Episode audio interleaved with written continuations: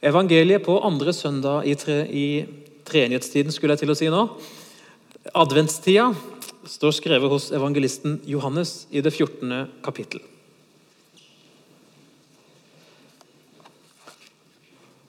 La ikke hjertet bli grepet av angst. Tro på Gud og tro på meg. I min fars hus er det mange rom. Var det ikke slik, hadde jeg da sagt dere at jeg går og vil gjøre i stand et sted for dere? Og når jeg har gått og gjort i stand et sted for dere, vil jeg komme tilbake og ta dere til meg, så dere skal være der jeg er. Og dit jeg går, vet dere veien. Hellige Far, hellige oss i sannheten. Ditt ord er sannhet. Amen.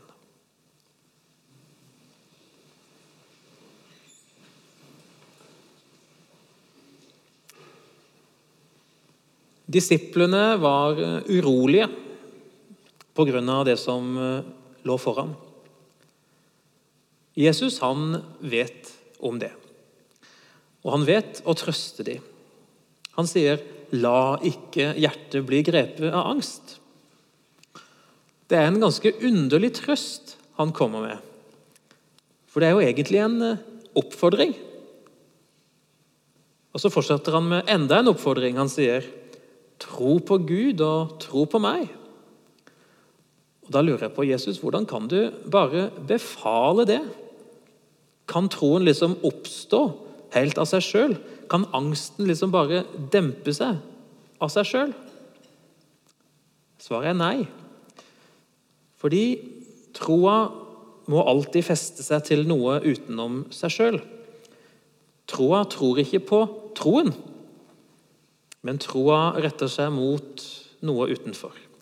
Og det vet Jesus. Og Derfor så sier han tro på Gud og tro på meg. Og På den måten så gir han oss retning for troen vår. Ellers så har jo den en liten evne til å rette seg mot veldig mye forskjellig. Og Så sier han altså 'la ikke hjertet bli grepet av angst'. Disiplene var engstelige. Og Det går det an å kjenne seg litt igjen i. Deres angst var jo knytta til hva som skulle skje med Jesus i påskeuka i Jerusalem. Han hadde varsla sin død. Han hadde varsla slutten på det de hadde vært sammen om i tre år, sånn som de opplevde det. Det var ikke rart at de ble engstelige over det. Og Jesus, på vei inn i døden, prøver å dempe angsten ved å si, 'Stol på meg. Tro på meg. Fest deres lit til meg.' Og Som jeg så vidt nevnte, så og Jesus vet om dette her òg, så er det sånn for oss at vi ofte prøver å, å, sikre oss på andre måter. Sikre fremtid, sikre håp med andre midler. De klassiske gjengangerne på feltet det er altså penger, eiendeler, relasjoner som det kan komme noe godt ut av. Egne barn, kanskje. Statusen du til enhver tid kan klare å stable på beina. Eller jaget etter stadige forfremmelser eller en mer attråverdig identitet sett med andres øyne. Men Jesus han vet jo det at alt, alt det der er skjøre og stakkarslige ting. Det er noe som ikke varer. Det er dårlige ting å, å, redde seg med når det virkelig røyner på. Sannheten er jo at alt det jeg nå nevnte, det kan bli tatt fra deg når som helst. Og da forsvinner jo grunnplanken, gjør den ikke det? Når du har satsa alt på disse tinga. Det bør egentlig være litt angstfremkallende når du tenker etter. Tanken på at tilværelsens trygghet kan rives fra deg. I hvert fall hvis det er sånn at det er din egen aktivitet som hindrer livet i å klappe sammen. Men Jesus han kjenner oss, og i dag så byr han oss et annet sted å feste blikket. Et annet ankerfeste, faktisk. En annen grunnplanke, om du vil. Det var det bildet som ble brukt i Hebrebrevet Hebreerbrevet 6, som vi hørte lest. Hvis du har prøvd å ligge med båt i åpent vann om natta noen gang, og det blåser, da vet du at eh, det er litt vesentlig om du har kasta ut dreggen eller ankeret på sand eller på stein. Hvis du har kasta ut dreggen på sand, så er det en stor fare for at du i løpet av natta blåser vekk og blir et lett offer for bølgene. Hvis du derimot har fått kilt det ankeret ned i en skikkelig solid stein, da ligger du godt. Og Det er akkurat det samme Jesus her vil ha frem for oss. Det finnes nemlig en mektig trøst og et håp der fremme som er sånn som denne steinbånden. Som er skikkelig solid, og som Gud sjøl garanterer for. Med ed og løfte. To ting som ikke kan brytes. Dette håpet, sier eh, hebreerbrevet. Dette håpet, og da snakkes det om Jesus. Dette håpet er et trygt og fast anker for sjelen. Det går innenfor forhenget. Dit Jesus gikk inn som forløper for oss, han som til evig tid er blitt øverste prest, av samme slag som Melkisedek. Det er solide saker. Det er forankra hos Gud. At Jesus har gått som forløper for oss, ja, det var jo egentlig noe av det han snakka om i, den teksten vi leste fra Johannesevangeliet. Han har gått et sted, og så kommer han tilbake. Det er det han sier til disiplene. Jeg går for å gjøre i stand et sted. Når jeg har gått og gjort i stand stedet, vil jeg komme tilbake og ta dere til meg.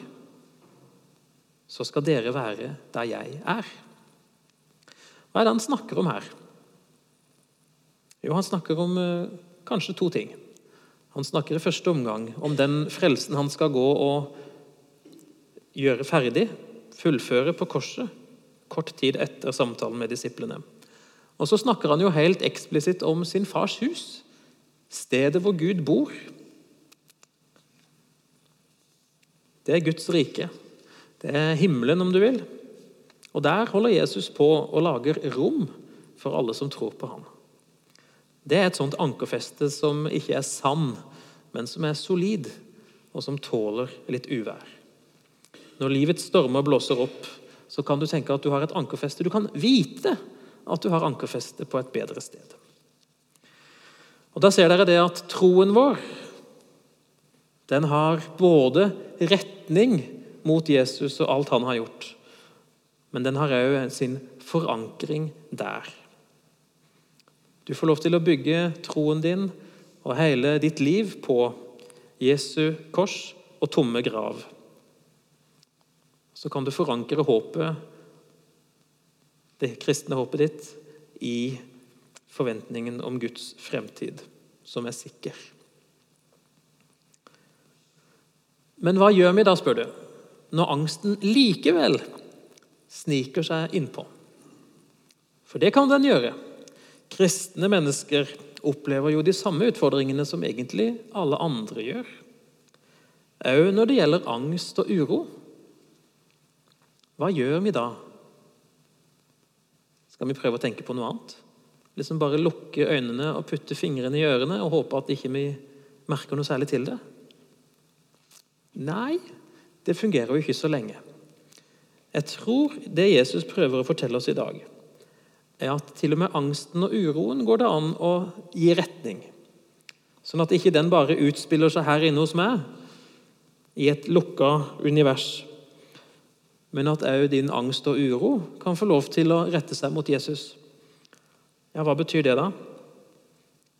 Hva hvis jeg føler meg liten og troen føles svak? Ja, men var det ikke det vi nettopp sa? Hva er det troen retter seg mot? Jo, den retter seg mot en mektig frelser. Det er jo han som er din tro. Det er han som er ditt ankerfeste. Og Hva vil det da si å komme med, med angst og uro til Jesus?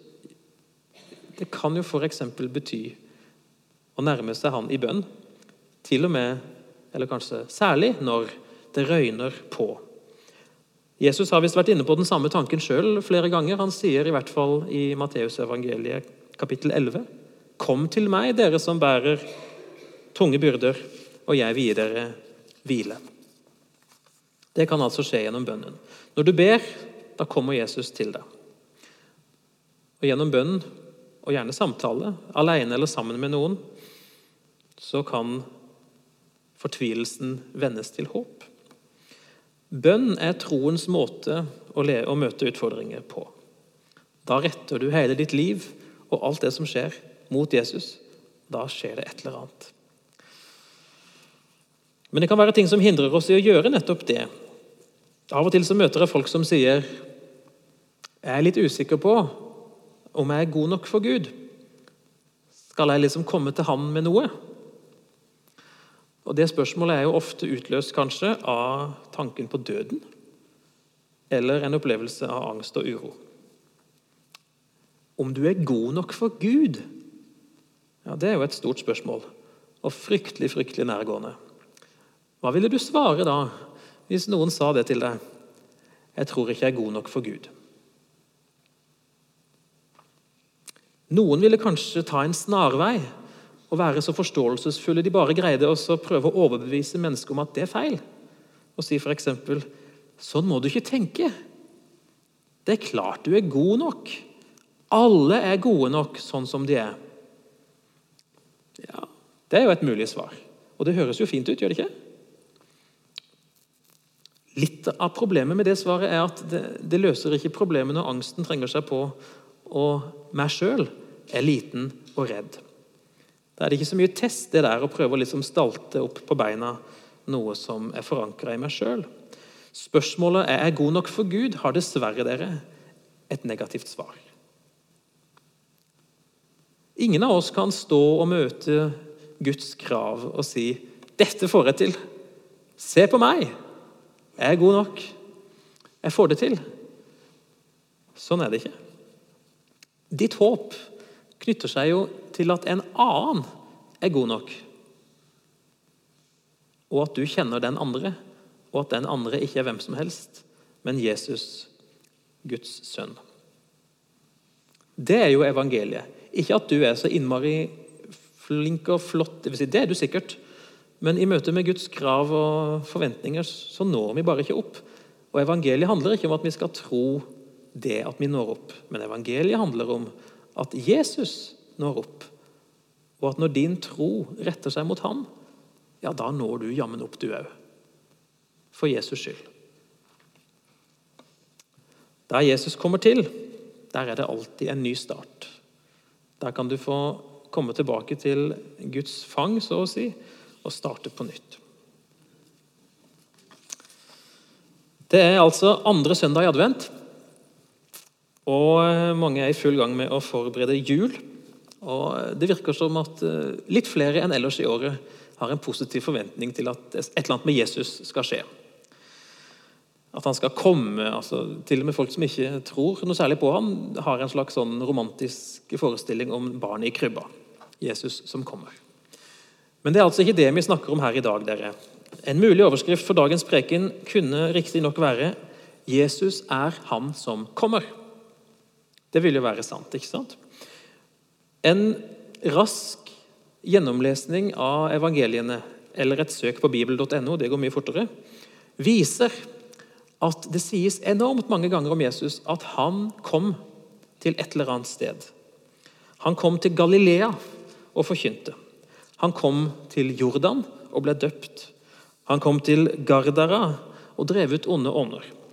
Han kom inn i Jeriko og helbreda Bartimeus.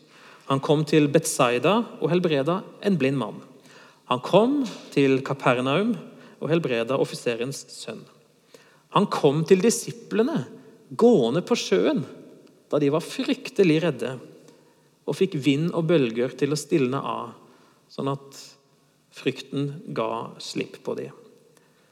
Og Så kom han inn i Jerusalem for siste gang, rensa tempelet ble arrestert, korsfesta, døde og sto opp. Jesus kommer. Det går an å se Jesu liv og virksomhet som en sånn oppsøkende virksomhet. Han kommer til stadig nye steder og nye mennesker. Han endevender livet de sitt og inviterer de inn i Guds rike. Og Det gjør han i kraft av å være ikke hvem som helst, men Guds sønn, den lovede Messias han som kommer. Det er jo faktisk en av titlene på Messias. Han som kommer. Det passer bra. Jesus er jo Messias, altså er han han som kommer. Jesu liv, Jesu virke, er en bevegelse ut mot verden, ut mot oss, ut mot det enkelte mennesket for å invitere inn i Guds rike. Så er det en liten grammatisk detalj i det som Jesus sier i dag. Han, han sier ikke 'jeg skal komme', men han sier 'jeg kommer'. Og det er presens. Presens handler om at noe skjer nå. Det skjer allerede, og det fortsetter med å skje. Men, uh, sier du, skal ikke Jesus komme igjen når tida tar slutt? Ved verdens ende? Jo, selvfølgelig skal han det.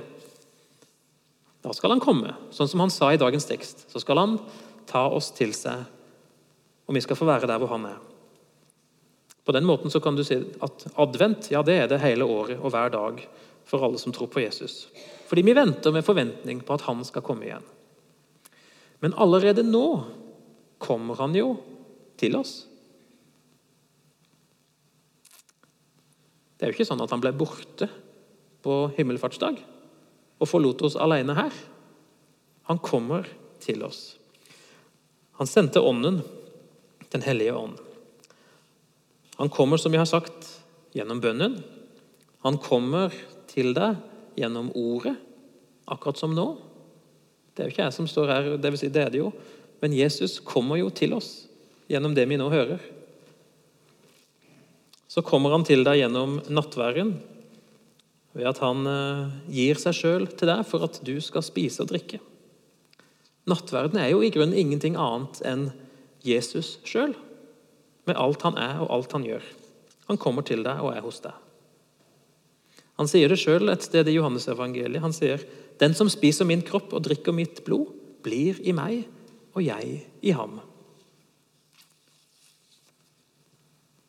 Så Det betyr jo at det er en sammenheng mellom livet vårt nå og det at Jesus kommer igjen.